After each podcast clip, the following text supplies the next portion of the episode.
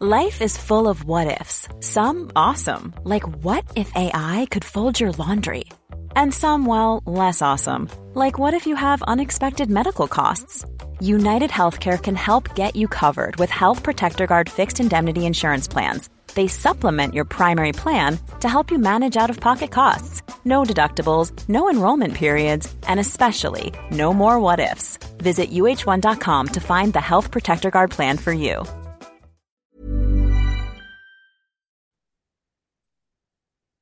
Halo pendengar GGMI Podcast, baik lagi bersama kita berdua. Dan pada episode kali ini kita ingin membahas satu buah nama goalkeeper yang sedang santer dibicarakan tapi sayangnya bukan Andre Onana. Kiper ini adalah kiper yang masih dibilang belia, muda tapi penuh potensial.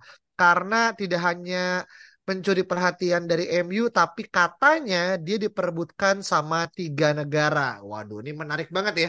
Negara mana aja yang memperebutkan tiga kiper ini, tapi dia adalah Zion Suzuki. Yes, nggak salah dengar.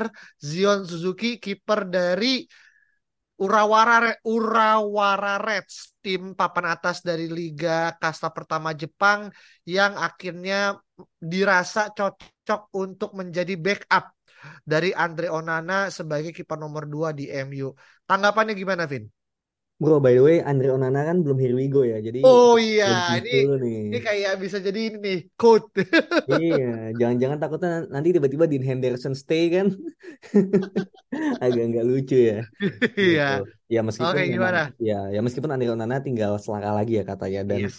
eh, tiba-tiba di hari apa ya Rabu kalau nggak salah ya, atau Kamis kita semua tuh dapat kabar dari sebuah media Jepang katanya Zion Suzuki ini diincar sama MU gitu. Gue pun waktu itu agak ketawa-ketawa kan baca kayak ah berita dari mana nih gitu. Kayak langsung gue quote dan kayak gue ketawain lah beritanya karena kayak nggak reliable sama sekali menurut gue gitu. Cuma sampai akhirnya kemarin di hari Jumat tiba-tiba Fabrizio Romano juga mengabarkan hal yang sama gitu bahwa si Zion Suzuki ini beneran masuk ke dalam em, bukan incaran ya tapi pandangannya lah ya kasarnya dipantau untuk menjadi kiper kedua. Nah ini jadi menarik gitu kayak berarti eh, per kita take hari ini ya di hari Sabtu malam ini kan udah ada udah ada pengumuman bahwa ada BDH udah resmi keluar dan itu menunjukkan bahwa kayaknya Andre Onana udah hampir pasti masuk. Nah, kalau Dean Henderson keluar juga, berarti lu butuh kiper satu lagi nih untuk bisa nge-backup dia. Dan menarik gitu, ketika misalnya ternyata Zion Suzuki ini, eh, ketika gua lihat klipnya gitu di YouTube dan juga lihat di banyak stat juga, ternyata memang gaya bermainnya tuh ya udah ala-ala kiper modern gitu. Makanya dengan eh, warna kulit yang cenderung sama ya ke Onana daripada ke David De Gea. Ini jadi kayak kita bilangnya Onana versi KW-nya gitu loh, versi light-nya, versi mudanya dari Onana gitu. Dan itu nggak salah gitu karena dari cara bermainnya juga sama gitu ya. Mungkin yang membedakan lebih kepada composure, ketenangan dan juga pengalaman gitu. Tapi dari sisi lainnya sih menurut gua kurang lebih sama. Dan usia dia masih muda banget, usia 20, tingginya 190. Jadinya memang sepertinya untuk kiper muda ini sangat cocok sih. Hmm, oke. Jadi lo ngerasa dengan potensial yang dia miliki dan gue akhirnya kemarin menonton ya karena to be gue juga yakin Al gue sama Alvin juga gak nonton Liga Jepang ya. Nggak ada yang akhirnya bisa kita dalam arti lihat karena kita nggak langganan juga gitu kan. Cuman gue nonton 12 menit klipsnya dan itu bener-bener dia as in secara keberanian ya. Dia berani untuk akhirnya melakukan short pass ke uh, back walaupun dengan kondisi dia tertekan dan ini adalah Ten Hag ball banget nih gitu kan. Dan gue no wonder kalau emang akhirnya kita mengincar uh, Zion Suzuki gitu. Dan terkait dengan harga ini gue baca dia itu dibanderol 5 juta pound sterling atau seharga 96,5 miliar rupiah. Di mana menurut gue harga tersebut cukup murah ya untuk kiper yang mungkin punya potensial secara uh, selling gitu. Dan menurut lu kalaupun akhirnya dia datang nih Vin, tentu uh, dengan adanya Onana ya ini kalau kita asumsikan Onana akan datang ke MU di musim depan, apakah dia akan lebih bermain sebagai kiper yang akan menggantikan peran Onana ketika kita main di FA Cup atau mungkin di Carling Cup seperti apa yang dilakukan sama Bazuma ketika di eh City nggak sih Vin? Yang ketika ah? Bazunu, Bazunu. Bazunu, Bazulu. Nah, Iya iya iya yang iya nomor nomor ya. Iya. iya. Em, sebenarnya Bazunu juga nggak pernah main ya di City ya. Mungkin jarang gitu. Lebih kepada waktu itu kipernya itu kiper Amerika. Gue lupa namanya siapa gitu. Ah, cuma kalau misalnya tadi yang pertanyaan lu kepada apakah Suzuki ini nantinya bakal menjadi kiper kedua yang um, membackup Onana gitu untuk bermain di Piala FA atau di Piala Carabao gitu. Nah, gue malah punya pemikiran lain gitu loh. Kan kita juga masih ada Tom Hinton, masih ada Matej Kovar juga yang apa ya bisa bermain lah kasarnya gitu. Dan gua rasa kalau misalnya kita Suzuki ini kita beli, gue malah mikirnya kayak kenapa nggak kita loan lagi aja si Suzuki ini gitu loh dengan angka investasi 5 juta kita loan lagi aja di usia masih 20 tahun gitu. Yang pasti dia harus main kalau bisa di Eropa gitu loh. Jadi biar em, apa lebih dapat lah hawa main di Eropanya gitu. Kalau bisa di Inggris juga malah gitu. Ke kasta kedua nggak masalah, kalau bisa di kasta pertama lebih bagus lagi gitu. Karena gue merasa kayak lu udah punya Hiten gitu kan. Hiten at least kiper ketiga masih bisa lah. Dan lu punya Kovar juga gitu.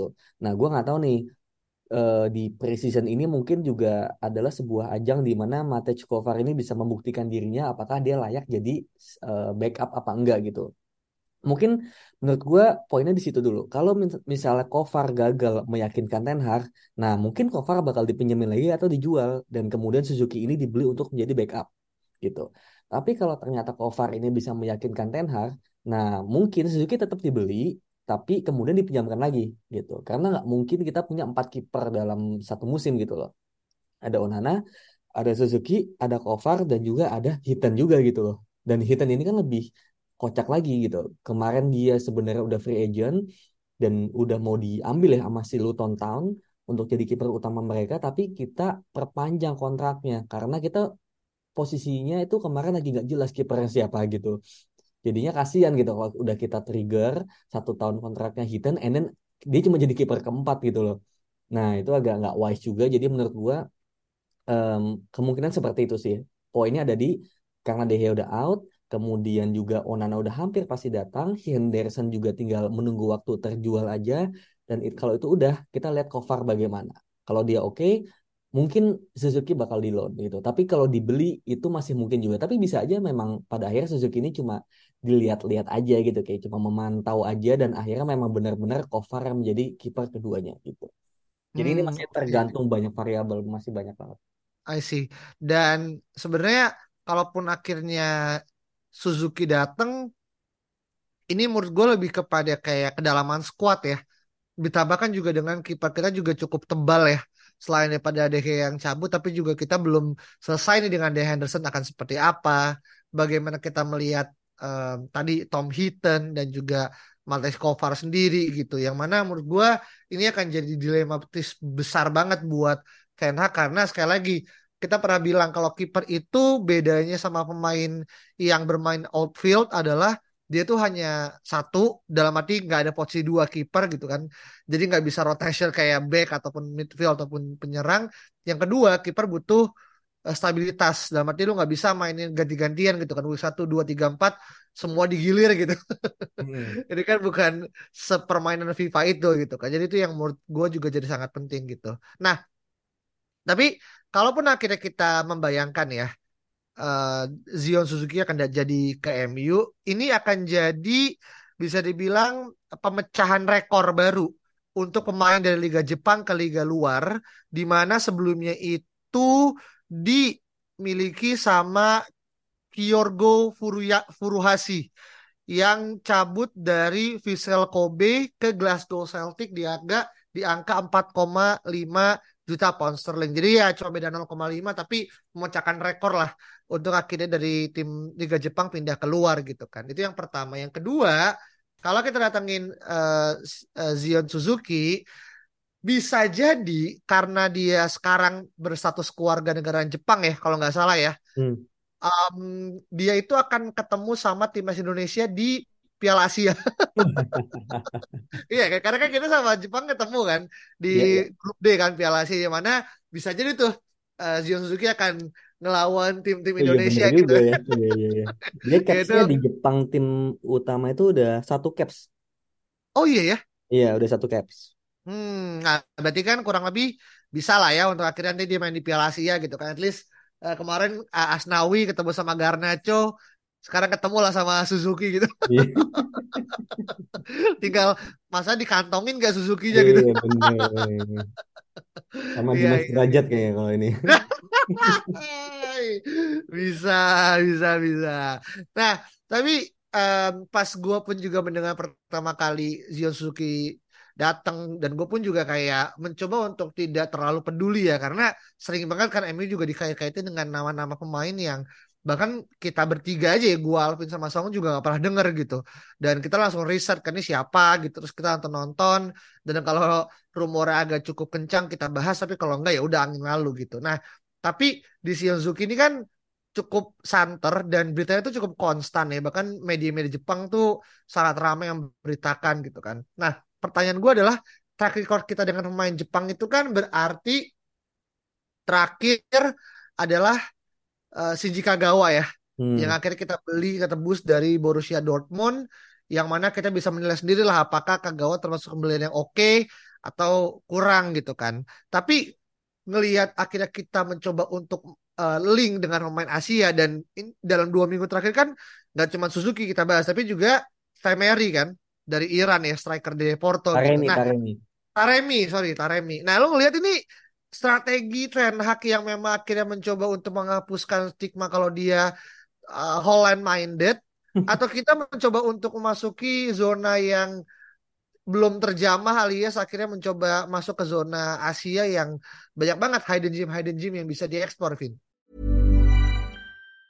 Mom deserves the best, and there's no better place to shop for Mother's Day than Whole Foods Market. They're your destination for unbeatable savings, from premium gifts to show-stopping flowers and irresistible desserts. Start by saving 33% with Prime on all body care and candles. Then get a 15-stem bunch of tulips for just $9.99 each with Prime. Round out Mom's menu with festive rosé, irresistible berry chantilly cake, and more special treats. Come celebrate Mother's Day at Whole Foods Market. There's never been a faster or easier way to start your weight loss journey than with PlushCare. PlushCare accepts most insurance plans and gives you online access to board-certified physicians who can prescribe FDA-approved weight loss medications like Wigovi and Zepbound for those who qualify. Take charge of your health and speak with a board-certified physician about a weight loss plan that's right for you. Get started today at plushcare.com slash weight loss. That's plushcare.com slash weight loss. plushcare.com slash weight loss. Hmm, iya, gue juga sempat baca ya tadi ada sebuah tweet di Twitter yang bilang bahwa dengan kita akhirnya nge-scout si Zion Suzuki ini gitu, tandanya memang masalah kita tuh selama ini bukan di tim scoutingnya, karena tim scouting kita tuh bagus gitu, bisa menemukan banyak hidden gem gitu loh di mana-mana gitu. Termasuk dulu mungkin kita ada Caicedo, ada Alvarez juga gitu. Cuma masalahnya ternyata bukan di tim scoutingnya, tapi lebih kepada decision makernya gitu loh. Yang pada akhirnya ini beli apa enggak, ambil atau enggak gitu loh. Apa kalau mau invest ke situ atau enggak gitu. Kan di situ kan pada akhirnya waktu itu kenapa kita Caicedo nggak jadi diambil karena terlalu rumit katanya kan. Nah rumitnya apa ya kita nggak tahu gitu. Alvarez nggak diambil pun juga katanya karena takutnya manajer selanjutnya nggak suka sama Alvarez gitu. Nah, mungkin juga dari dulu udah banyak juga gitu pemain-pemainnya yang udah di scout udah oke tapi ternyata kita unwilling gitu untuk keluar uang gitu loh karena berbagai macam pertimbangan itu dan memilih untuk langsung ambil pemain-pemain yang besar yang punya nama yang ya kita akhirnya membayar harga sangat-sangat mahal untuk itu dan returnnya belum tentu bagus gitu. Nah sekarang mungkin lebih kepada ya normalnya sebuah tim ya seperti ini gitu loh. Bagaimana kita menemukan banyak talenta dan kita kalau misal udah oke, udah sesuai ini sama gaya main pelatih, ini pada akhirnya bisa diambil gitu. Ini kan sejak Ten Hag baru mulai di mana kita mulai apa ya menanamkan sebuah filosofi ya, filosofi bermain, identitas bermainnya seperti apa, dan akhirnya karena udah punya blueprintnya seperti apa, nah ini scouting jadi lebih jelas nih nyari pemainnya yang seperti apa juga gitu. Makanya kita pas lihat si Zion Suzuki ini bermain, ini benar-benar seperti kiper modern yang Ten Hag inginkan gitu loh, bukan kiper yang sekedar kayak waktu itu gue pernah lihat kayak Livakovic yang main ya menurut gue Livakovic biasa aja gitu loh, bukanlah sebuah kiper yang benar-benar bermain dari belakang gitu. Jadi gue nggak yakin kiper seperti itu yang dicari. Tapi ketika Zion Suzuki ini dilihat, pas gue nonton, wah ini mah Ten Hag banget. Memang sepertinya udah instruksi nih dari atas Ten Hag mau bermain dengan gaya bermain dari belakang, high pressing, kemudian dicarilah pemain-pemain yang memang seperti itu gitu. Jadi jangan heran nantinya ke depannya kita um, let's say kayak di U21 di akademi itu mulai menerapkan gaya permainan yang sama persis seperti tim utama. Dan juga nantinya pemain-pemain yang diincar, yang di scout gitu, pemain-pemain muda itu kurang lebih itu bakal sama juga. Kiper mainnya sama kayak gini. Kemudian nanti untuk back kemudian gelandang mungkin yang high pressing juga yang apa ya yang tidak kenal lelah lah kasarnya gitu ya. Yang stamina-nya juga bagus gitu. Kemudian penyerang juga yang versatile dan kemudian juga mau untuk turun ke belakang untuk pressing juga gitu. Jadi udah udah kebayang nih tipe-tipenya kayak gimana gitu. Nah itulah bagusnya kita udah membuat sebuah blueprint ke depannya seperti apa gitu. Jadi memang ini adalah satu hal yang udah dibenerin sama Ten Hag. Makanya kita bisa nemu dan kemungkinan kita bakal beli pemain dari Jepang. Wih, mantap. Gue suka nih.